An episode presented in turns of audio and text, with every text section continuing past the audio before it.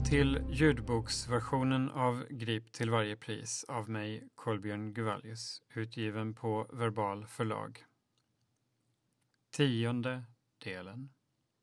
På bokbloggen griptillvarjepris.se finns en sida för varje avsnitt av podcasten som innehåller bildmaterial ur den tryckta boken. Källhänvisningar hittar du i den tryckta boken och i e-boksutgåvan. Intervjusvar och eh, annan citerad text i boken läses av Lars Winclair.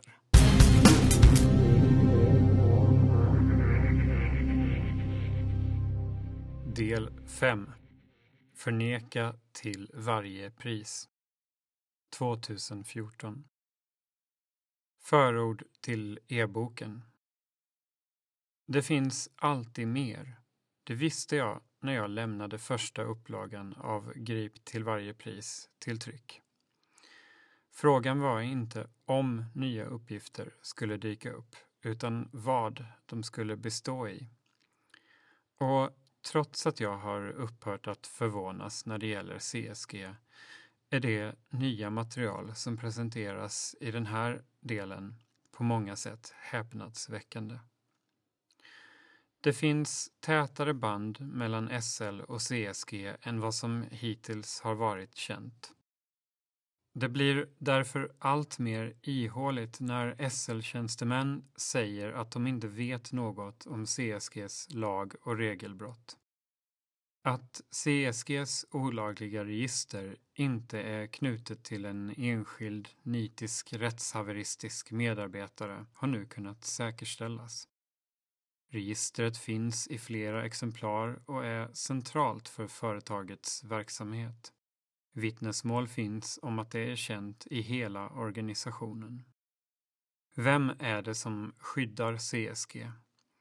Det är uppenbart att flera personer, oklart hur högt upp i hierarkin, har ett intresse av att ljuga om sin vetskap om CSGs arbetsmetoder på ett sätt som trotsar allt förnuft.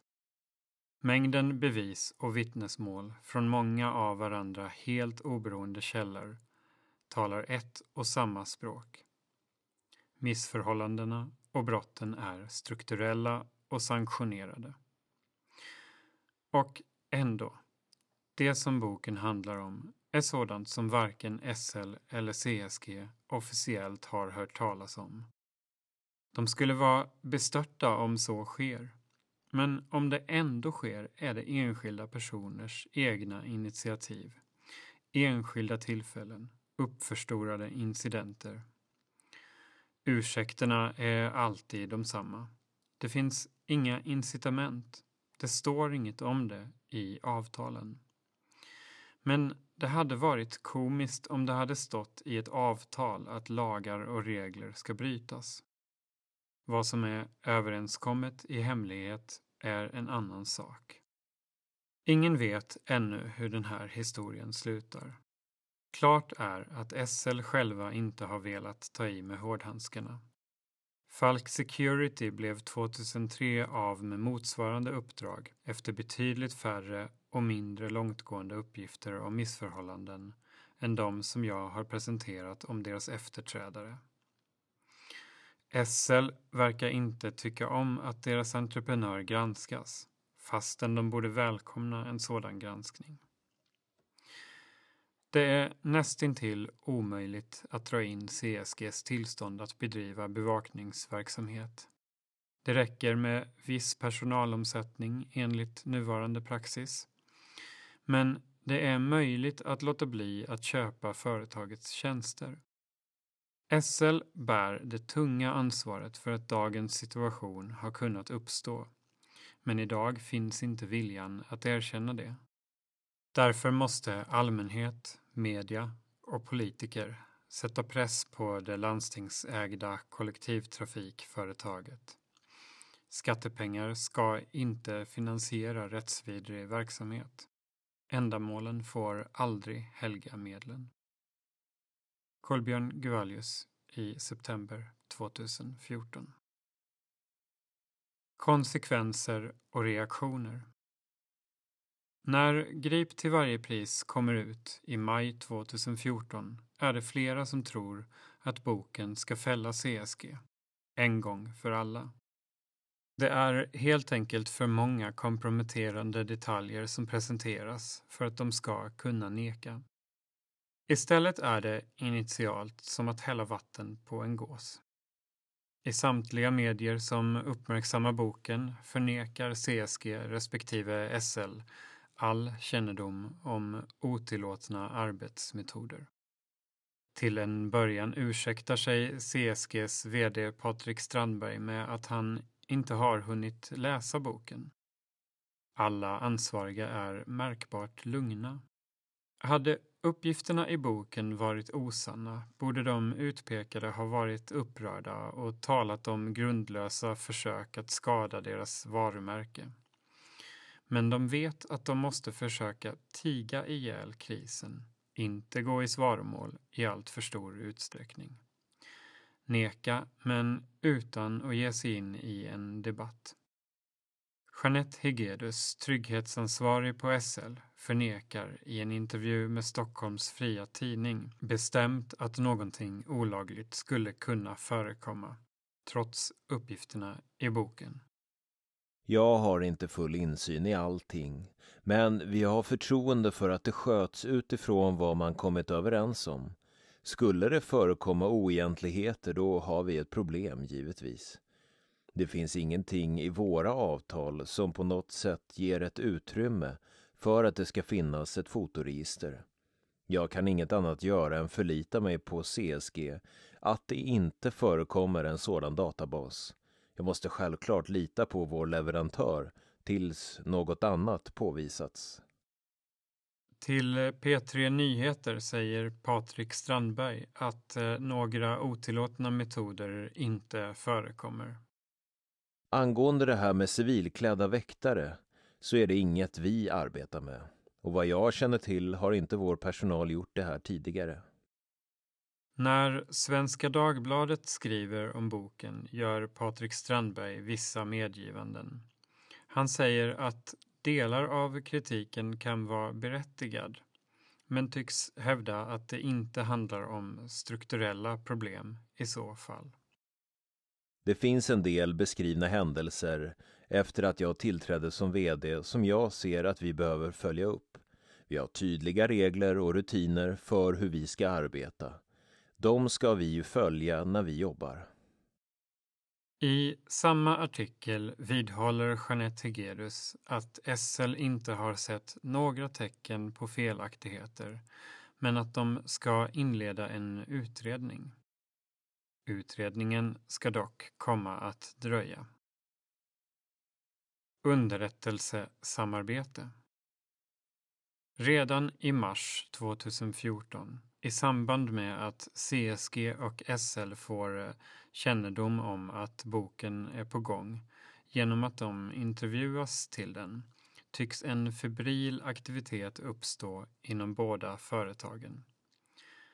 Trots avslöjanden om omfattande lag och regelbrott inom klotterbevakningen har de båda organisationerna något slags underrättelsesamarbete före och omkring utgivningen. Men det handlar inte om att reda ut vad som ligger bakom uppgifterna i boken, utan om att kartlägga hur och om uppgifterna i den påverkar samhällsdebatten. Det råder allt annat än vattentäta skott mellan SL och CSG som kommunicerar om boken via e-post. Den 13 maj skickar David i CSGs informationsgrupp ett e-postmeddelande till SL med information om vilken medial uppmärksamhet boken har fått. Det har varit relativt tyst i media den senaste veckan. Förutom någon sorts pressrelease från bokförlaget så har inget annat noterats i övrig press. Författaren själv nyttjar tre stycken olika Twitterkonton med vilka han försöker skapa uppmärksamhet kring boken. Författaren skriver ett antal inlägg om dagen gällande boken och retweetar sedan inläggen med de andra Twitterkonton som han själv har tillgång till. Texten följs av en redogörelse för aktiviteter på Twitter i form av motsvarande fem A4-sidor skärmdumpar med exempel från bokens marknadsföring. CSG informerar SL om var riksdagsdebatten om boken går att se i efterhand och om var en debattartikel som jag skriver på SVT Opinion efter debatten finns att läsa. Så sent som för två timmar sedan så publicerade SVT Opinion en debattartikel skriven av Kolbjörn. Se länk nedan.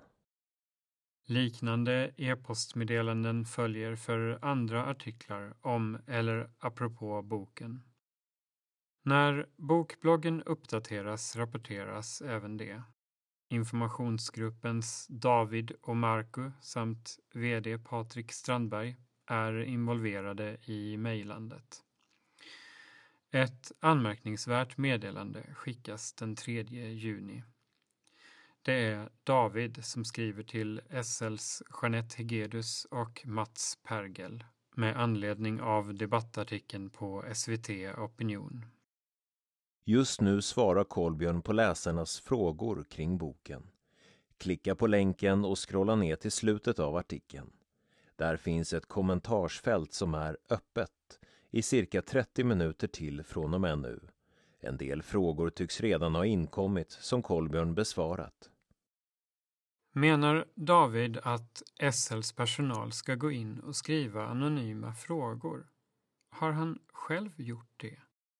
Inget sådant går att se med tydlighet. Två av de registrerade Discuss-användare som ställer frågor på artikeln använder sina konton för första eller andra gången och därefter inte igen. Men dessa skriver inget anmärkningsvärt. Kommunikationen mellan CSG och SL framstår efter att boken har kommit ut som samordnad krishantering. Inget av e-postmeddelandena antyder någon misstänksamhet mellan de båda företagen. Det sista meddelandet är daterat den 10 juni klockan 11.43. Klockan 13.14 samma dag, en och en halv timme senare, begär jag att få ta del av all kommunikation mellan SL och CSG med anledning av boken. Efter detta tillfälle råder total e-posttystnad mellan SL och CSG. Den skriftliga kommunikationen mellan företagen tycks alltså upphöra i samband med att jag begär ut den. Jag har begärt ut e-postmeddelanden mellan företagen även vid senare tillfällen, men ingen kommunikation finns. Kanske upphör de att använda e-post som kommunikationsväg för att jag ber att få ta del av den. Jesper Pettersson, pressansvarig på SL, har inget svar på varför e-postkommunikationen mellan CSG och SL upphör i och med att den begärs ut. Vi kommunicerar naturligtvis på daglig basis, ibland mindre, med våra entreprenörer i en massa olika frågor, men jag kan inte svara på vad som har föranlett olika mejl. Är det inte lite konstigt att mejlandet upphör i och med att jag begär ut mejlen? Om du upplever det som konstigt eller inte får stå för dig. Jag kan inte veta vad de har för mejlrutiner. Familjära band Jeanette Hegedus är trygghetsansvarig på SL, en post som innebär att hon är direkt ansvarig för klotterbekämpningen och CSGs kontaktperson. I den första upplagan av den här boken bekräftar hon att hon har haft ett längre förhållande med Josef, före detta hög chef på CSG och tidigare chef för CSG Falk. Men vad hon inte självmant tar upp under intervjun i mars när jag frågar om hennes familjeband till CSG är att eh, en av hennes egna söner är väktare på CSG sedan flera år. Detta faktum är då okänt. Det finns alltså två starka familjeband mellan Hegedus och CSG. Så vitt det är känt arbetar sonen kvar i företaget än idag. Sonen, i den här boken kallad för Klas, förekommer bland annat i en granskad polisrapport om klotter från 2011 där det är tydligt att han inte bara har arbetat civilt i strid med reglerna utan att han även har bedrivit otillåten spaning genom att i tjänst börja förfölja personer på allmän plats som inte är misstänkta för något brott. Enligt folkbokföringen är sonen skriven på samma adress som Hegedus. Trots det tidigare förhållandet med den högt uppsatta CSG-chefen Josef och trots att hennes egen son är klotterväktare på CSG har Jeanette Hegedus hittills hävdat att hon inte känner till några otillåtna metoder inom CSG. Men en före detta väktare ska snart komma att hävda att hon vet allt.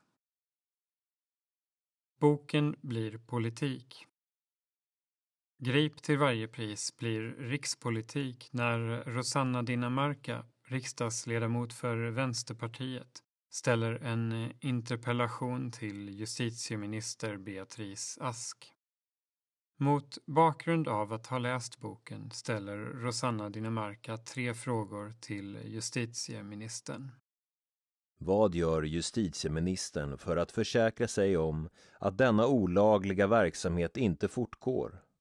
Vad avser justitieministern att göra för att ge upprättelse till dem som behandlats rättsvidrigt av våra myndigheter? Vad avser justitieministern att göra för att försäkra sig om att detta inte ska upprepas? I sitt svar den 2 juni i riksdagen hävdar ministern i huvudsak att hon förutsätter att berörda myndigheter i sitt arbete följer gällande regelverk. Därför krävs inga vidare åtgärder, är hennes slutsats. Men brotten har kunnat pågå bland annat just för att myndighetstillsynen inte är tillräcklig.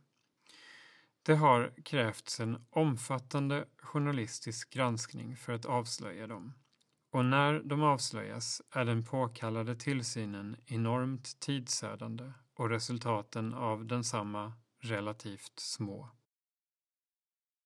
Landstingsråd ställs till svars. Den 10 juni är det dags igen. Vänsterpartiets Anna Selin har ställt en fråga till Trafiklandstingsrådet, tillika SL-ordföranden Christer G Wennerholm, moderat. Hon vill veta om han har känt till att SL anlitar väktare som arbetar med olagliga metoder. Men den konkreta frågan får aldrig något svar. Istället börjar Wennerholm prata om allvaret i uppgifterna och att utredningar har tillsatts, vilket också är viktigt. Så här säger Christer G Wennerholm i landstingsfullmäktige. Jag förutsätter att våra entreprenörer förhåller sig till lagstiftningen. Vi ska inte ha entreprenörer som inte följer regelverk och inte följer lagar. Trafikförvaltningen ser väldigt allvarligt på de här uppgifterna. Vi får se vad utredningen leder till, men det finns ju ett material att utgå från i den här boken. Dels ska SL utreda själva och dels ska SL ha beordrat CSG att internutreda uppgifterna. Wennerholm hävdar att uppgifterna om CSG inte tidigare har varit allmänt kända. Men Anna Selin hävdar att artikelserien i Svenska Dagbladet 2011 och 2012 bör duga som allmän kännedom. Så här säger Anna Selin i fullmäktige. Varför gjorde man ingenting redan 2011 efter Svenska Dagbladets artikelserie? Det fanns ju tydliga signaler redan då på att det ser ut så här. I en skriftlig kommentar inför den här upplagan av boken hälsar Christer G Wennerholm att han inte har känt till några olagligheter och inte heller skulle acceptera några. Jag har personligen ingen information om att våra entreprenörer arbetat med olagliga metoder utan förutsätter att de håller sig till svensk lagstiftning. Därför ser jag fram emot rapporten och kommer agera utifrån den. Stockholms kommunfullmäktige debatterar nolltolerans. En knapp vecka senare, den 16 juni, debatteras Miljöpartiets motion om en mer positiv inställning till gatukonst och graffiti i Stockholms kommunfullmäktige. Motionen handlar inte om väktarbrotten men boken tas upp av förslagsställaren Mats Berglund, Miljöpartiet. Han sätter den olagliga jakten på klottrare i samband med den nolltoleranspolitik mot graffiti som finns i Stockholm. Så här säger han i debatten. Vaktbolag har använt nolltoleransen för rent kriminell verksamhet förmodligen. De har helt klart överskridit sina befogenheter. Mats Berglund hänvisar till en presentation från en konferens som visar hur SL, Stockholms stad, polisen och CSG samverkar för nolltolerans. Han vill veta hur mycket kunskap staden har haft om den olagliga verksamheten och i vilken grad staden har varit eh, inblandad. Men frågorna får inget svar. Ingen politiker vill kännas vid några egna kunskaper om eh, olagligheterna. Den vid tiden ansvarige tjänstemannen, Claes Thunblad, har slutat i kommunen men har tidigare förnekat kännedom om olagligheter. SL tvekar om utredning. När SLs kommunikationsansvarige Sus Forsman Tullberg intervjuas i P4 Stockholm samma dag som kommunfullmäktige sammanträdet blir det tydligt att eh, SL ännu inte har bestämt sig för hur deras utredning ska gå till. Fastän företaget då har haft möjlighet att ta del av boken i nästan sex veckor och känt till dess innehåll i grova drag ännu längre. Så här säger SUS Forsman Tullberg till P4 Stockholm. Det är en bedömning vi ska göra. För det första, om vi har rätt resurser att genomföra en sån här utredning i vår organisation. Och sen om vi bedömer det som viktigt att få utomstående ögon på det. Och vi kan få tag på rätt resurs. Det är de två faktorer som väger in och vi har inte landat i den frågan ännu. Sveriges Radios programledare frågar varför skulle det inte vara viktigt att ha utomstående ögon på det här? Nej, det kan jag egentligen inte säga, annat än att det kan vara svårt. Det här behöver vi ju göra skyndsamt. Det gäller att hitta rätt resurs och det gäller också att säkra att vi har rätt kompetens så att vi får det vi frågar om. SL hävdar att utredningen ska göras skyndsamt, men den har ännu inte påbörjats. Samtidigt vill de alltså göra den internt just med argumentet att eh, det annars kan ta tid att hitta rätt personer som utreder. Det framstår som att det är först när SL pressas i Sveriges Radio om att tillsätta en extern utredning som företaget verkar överväga det. Varken de nära relationerna mellan SL och CSG eller de uppgifter i boken som handlar om SLs kunskap om brotten tycks ses som hinder för att de egna tjänstemännen ska utreda uppgifterna om de rättsvidriga väktarmetoderna och om SLs egen inblandning. Det är åtminstone vid tillfället för radiointervjun långt ifrån självklart för SL att utredningen bör göras externt. Den 26 juni undertecknas dock till slut en beställning av juridiska tjänster från advokatbyrån Mannheimer Swartling. Enligt SL ska advokatbyrån göra utredningen och titta på vilken kännedom SL har haft om det som framkommit i såväl boken som i de uppföljande tidningsartiklarna. Däremot ska CSG inte granskas i SLs utredning eftersom SL hänvisar till de övriga myndighetsutredningar som pågår. Utredningen presenteras för landstingets trafiknämnd den 23 september 2014, vilket inträffar efter att denna upplaga av boken har färdigställts. Utredningens slutsatser ska dock komma att bekräfta centrala delar av granskningen samtidigt som den inte avfärdar någon del, vilket jag återkommer till i slutet av boken.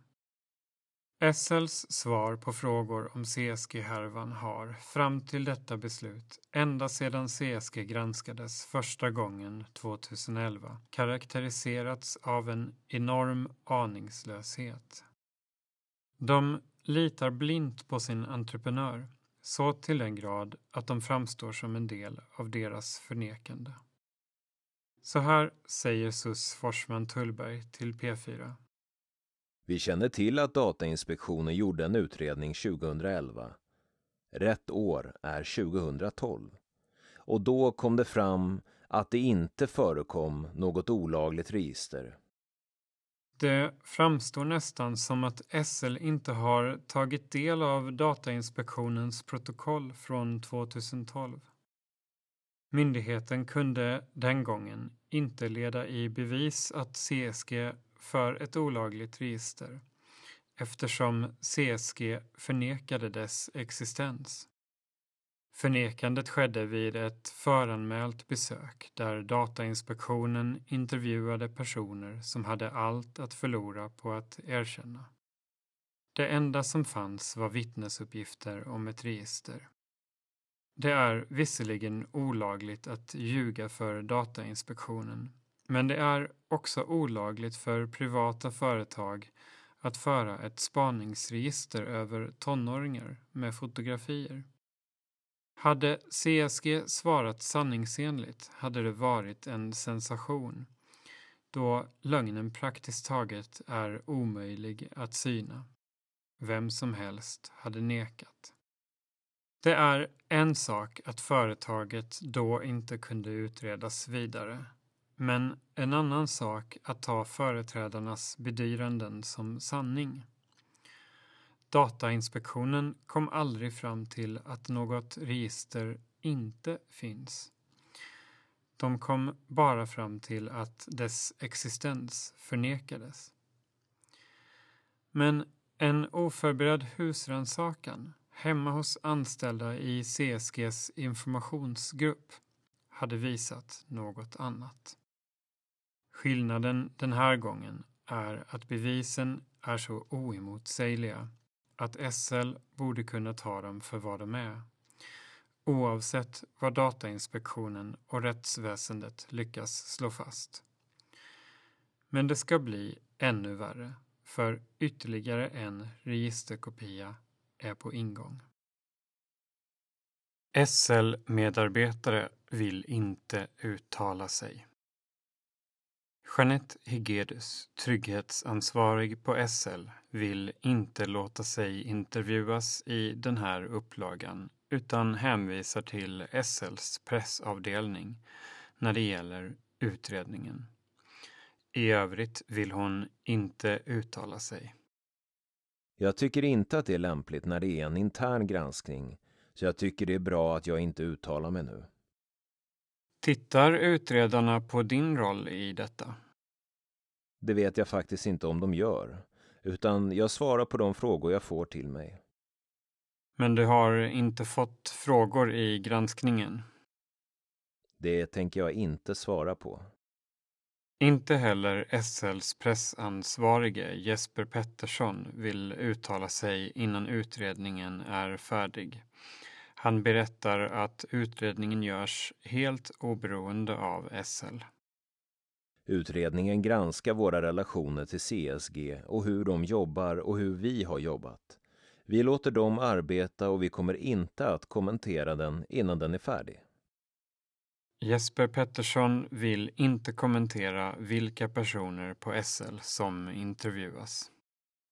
Det är helt upp till advokatbyrån som gör utredningen och hur de jobbar kommer inte jag att kommentera. Hur ser samarbetet med CSG ut i framtiden? Det får vi återkomma till. Det är lite beroende på vad den här utredningen kommer fram till. Fortsätter samarbetet i nuläget? Ja, det pågår idag. I nuläget har vi inte förändrat vårt samarbete. Advokatbyrån Mannheimer Swartling meddelar att deras regelverk förbjuder dem att ens bekräfta att de har uppdraget för SL och kan än mindre svara på frågor om utredningen i sig.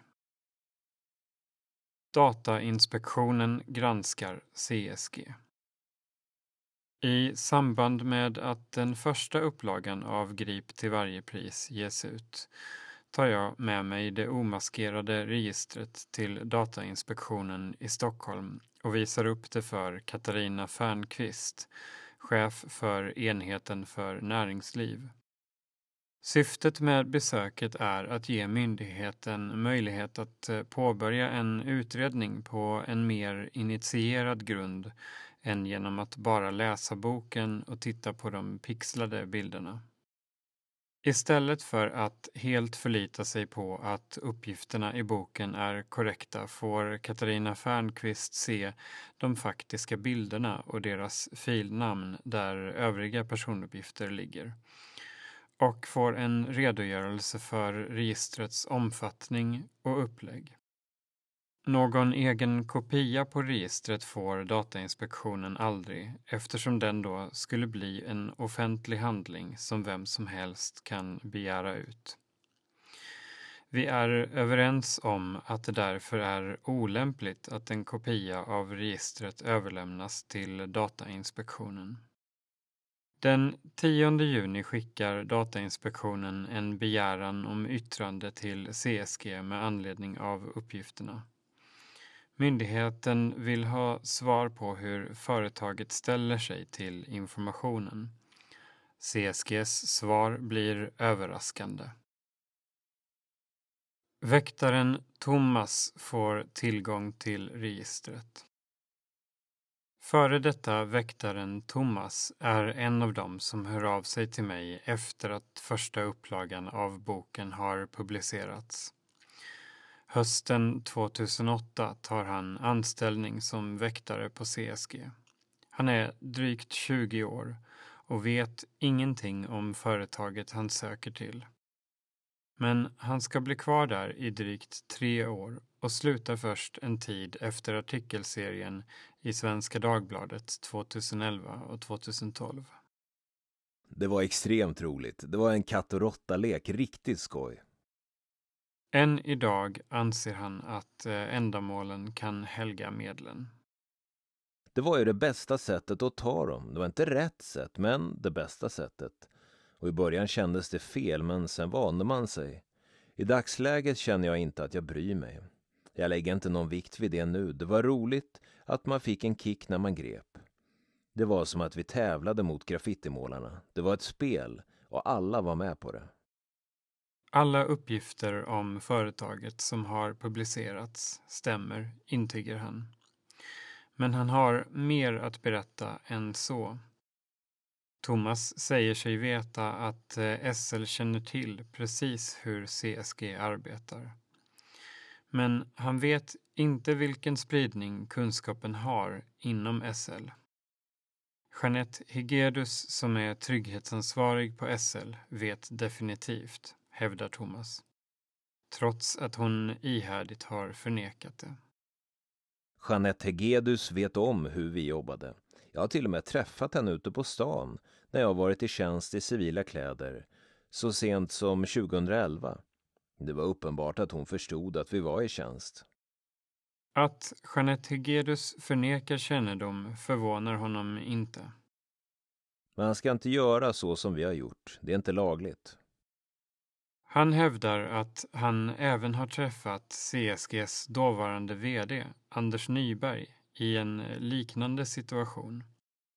Därför tvivlar han inte på att instruktionerna om att jobba civilt genomsyrar hela företaget. För att skydda Thomas identitet går den här intervjun inte in närmare på omständigheterna kring dessa tillfällen. Men han har delat med sig av detaljer som gör uppgifterna om mötena tillförlitliga. Gruppchefen lär Thomas hur CSG jobbar. För att den civila klädseln inte ska avslöjas har väktarna uniform när de är i närheten av kontoret. Vi jobbade civilt hela tiden, förutom just när vi kom in till firman och åkte därifrån. Vi bytte om i bilarna. Efter ett tag får Thomas tillgång till det olagliga fotospaningsregistret. Det är David i informationsgruppen som har samma arbetsuppgifter än idag som ger Thomas tillgång till registret. Det gick rykten om det där registret inom företaget. Jag och några kollegor hade hört att det fanns, så vi frågade David om det. Thomas får till svar att han ska få en kopia, bara han kan vänta några veckor. Det är inte något register som förs på plats på CSG som han ges tillgång till, utan ett USB-minne som han får låna med sig hem. David brukar i sin tur förvara sin kopia i bostaden. Thomas blir uttryckligen uppmanad att göra en egen kopia i sin hemdator. Men han blir också instruerad att hålla tyst om det. Registret är hemligt och får inte spridas vidare till någon. Spara bilderna i din mobil eller på datorn hemma.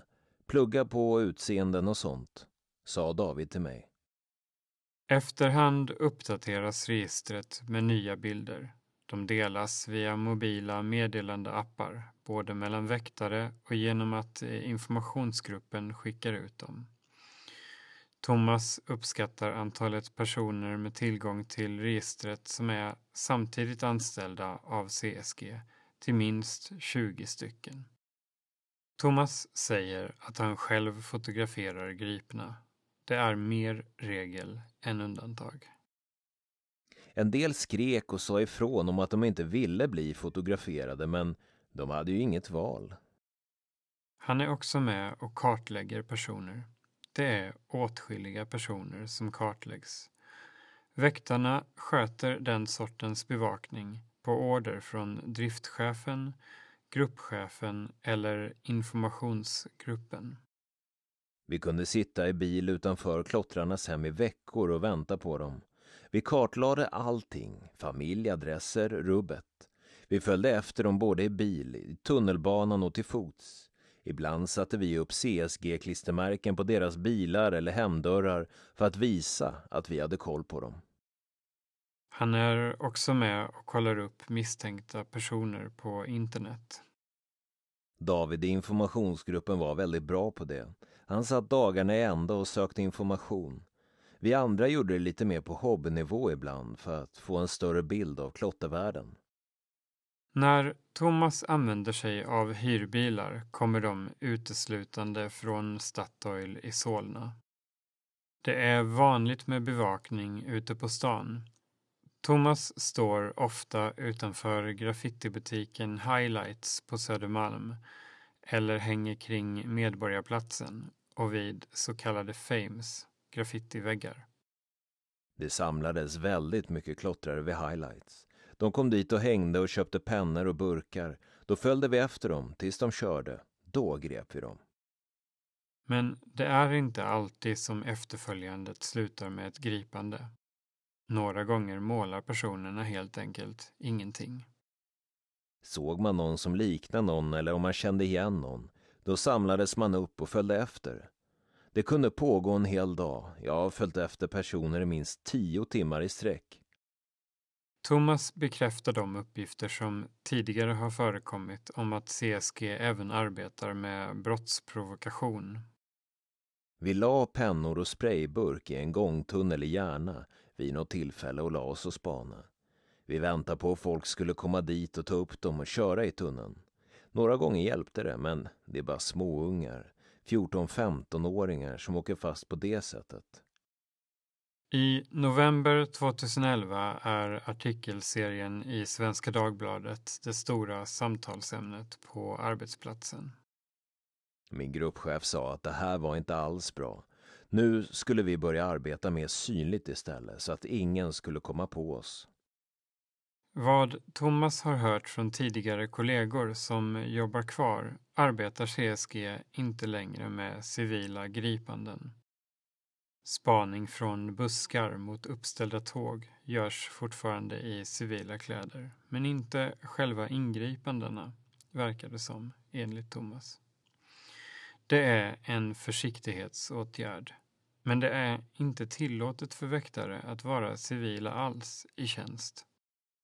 Vittnesmål från graffitimålare bekräftar i stort sett Thomas bild av nuläget. CSG har flera gånger hävdat att det inte finns några incitament för dem att bryta mot lagar och regler. Men Thomas tycker att det finns en bra förklaring till att de ändå gör det. Det bästa sättet att få folk att sluta är att gripa dem, tror jag. Att bara synas ute hjälper inte. Då går de någon annanstans. Thomas registerkopia den kopia av CSGs olagliga fotoregister som presenterades i den första upplagan av Grip till varje pris är sannolikt bara en bråkdel av vad som finns. Snart sagt alla graffitimålare som jag har talat med inför den här boken hävdar att de har blivit fotograferade av CSG i samband med gripanden. En granskning av väktaren Thomas kopia av registret visar att CSG har fortsatt att registrera misstänkta klottrare i samma omfattning även efter att registerkopian i första upplagan slutade uppdateras. Dessutom visar den nyare kopian att registreringen har börjat långt tidigare, faktiskt innan CSG existerar. De äldsta bilderna kommer nämligen med all sannolikhet ur Falk Securities gamla register som avslöjades 2002.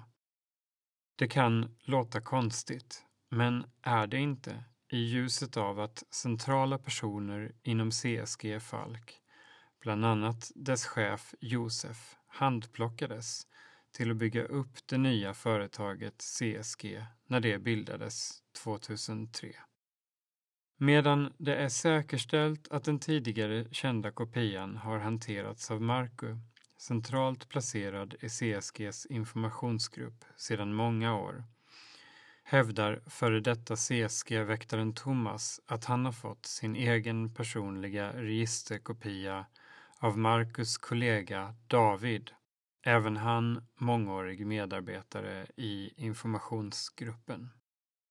Många bilder i de båda registerkopiorna är identiska, så det råder inget tvivel om att de kommer ur samma samling. Bilderna har samma upplägg för filnamnen där tag, crew och bostadsområde står angivet. Men Thomas kopia innehåller långt fler bilder, totalt över 700 stycken som på ett unikt sätt beskriver CSGs långtgående och långsiktiga registrering och hur företaget förnedrar gripna. De nyaste bilderna i Thomas kopia är daterade i mars 2011. De äldsta bilderna i registret är daterade den 18 mars 2002. Det är innan CSG existerar. Flera av bilderna, som tydligt bär karaktären av gripfoton, måste därför vara tagna i samband med gripanden som har genomförts av CSG Falk.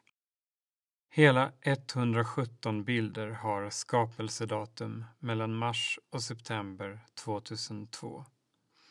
Sedan är det ett uppehåll fram till april 2004 då är CSG verksamt sedan ett halvår. Det går alltså nu för första gången att belägga att de personer som gick över till det nybildade CSG när CSG Falk avvecklades tog med sig åtminstone delar av det register som Falk Security erkände och dömdes att betala skadestånd för att ha fört. I samband med att CSG Falks register avslöjades 2002 till 2003 hävdade företaget att det var en enskild timanställd som låg bakom registret och att det var okänt för andra inom civila spaningsgruppen och Falk Security. Den förklaringen motsägs redan i första upplagan av Grip till varje pris genom före detta väktaren Martins vittnesmål och nu faller den helt. Dåvarande chefen för CSG Falk, Josef, var med och skapade det nya bevakningsföretaget CSG. Sannolikt var det han själv som låg bakom det register som han i ett bandat telefonsamtal talade om att bygga upp redan år 2000. Och det var för bra för att överge när verksamheten skulle fortsätta i ett nytt företag. En av dem som har följt med i registret från Falk till CSG är konstnären Karma som tidigare i boken vittnar om hur hon fotograferades av Falkväktarna. Det här fotot föreställer dock inte ens henne själv. När Karma får se fotot säger hon det där är faktiskt inte jag. Hon har ingen aning om vem det kan föreställa. Men det är läskigt att de har ett register och att bilder från den tiden finns kvar än idag i ett register som används. Thomas registerkopia innehåller, utöver den sensationella tidsrymden, ännu fler anmärkningsvärda detaljer än vad den tidigare kända kopian gör. Ett antal bilder föreställer avfotograferade utskrifter av foton med text intill som antyder att det även finns ett register i pappersform. Fotona är uppdelade så att det finns ett porträtt i varje bildfil men andra porträtt antyds i kanten av vissa bilder och ger därför vid handen att det finns papper sida upp och sida ner med fotografier och personuppgifter. På en bild syns text som visar att CSG även har lagrat uppgifter om namn, adress och födelsedatum eller till och med personnummer. En bild från maj 2005 föreställer en graffitimålare som ser ut att ha somnat med sprayburkar i famnen på tunnelbanan. Bakom honom finns hans tag och crew skrivet på väggen.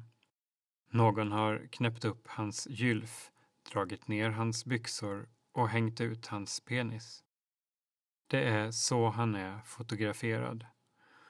Om det inte vore för att bilden är en elak manipulation.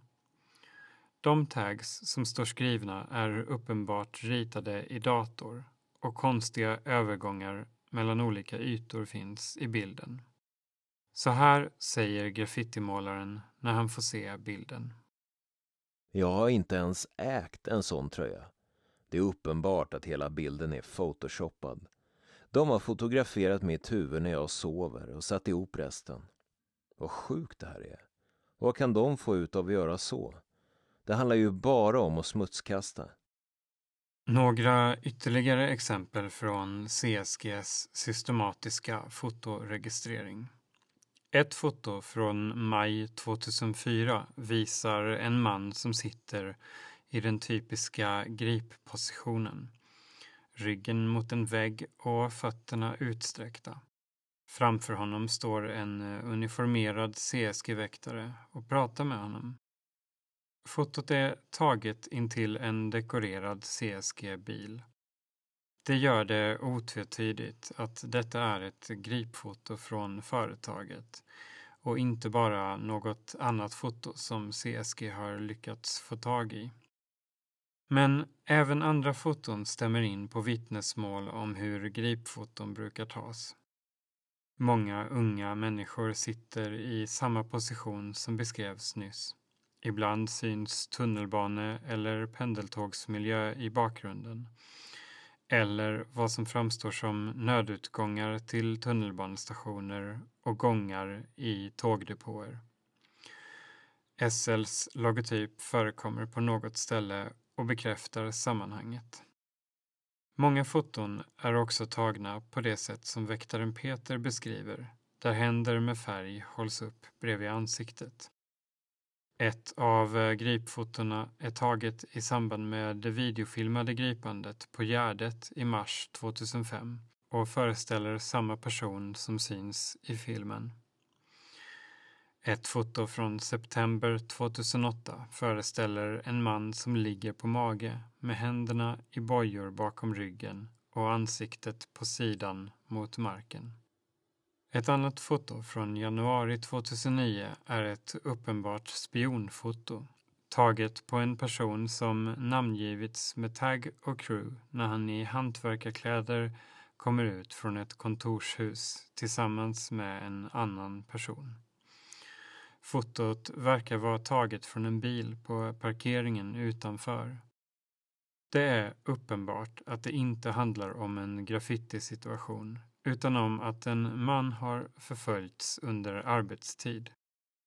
Jag lyckas söka upp mannen bakom den påstådda taggen, Liam, och visar honom fotot. Det där är faktiskt inte jag. Jag känner inte igen någon av dem. Både tag och crew som anges i filnamnet stämmer överens på Liam, så det är bortom allt tvivel att jag har fått tag på rätt person. Men någon helt annan, som har ett av sina yttre kännetecken gemensamt med Liam, har alltså registrerats i Liams namn och har funnits i ett register över misstänkta klottrare i fem år hittills. Om den fotograferade personen har någon koppling alls till graffiti är oklart. Många foton är också, liksom i den tidigare kända registerkopian, hämtade från sociala medier. Andra föreställer avfotograferade ID-kort. Ytterligare personer som jag lyckas få tag i visar sig ofta vara felaktigt införda. Något foto föreställer en kompis till en graffitimålare och är troligen en profilbild från sociala medier. Något annat en gripbild som är etiketterad med fel tag och crew. En av dem jag talar med säger att det snarare är hans kompis lillebror, inte han själv, som är fotograferad. De som är yngst i registret ser ut att vara i 11-12 års åldern vid fotograferingen, även i fall då det handlar om gripfoton.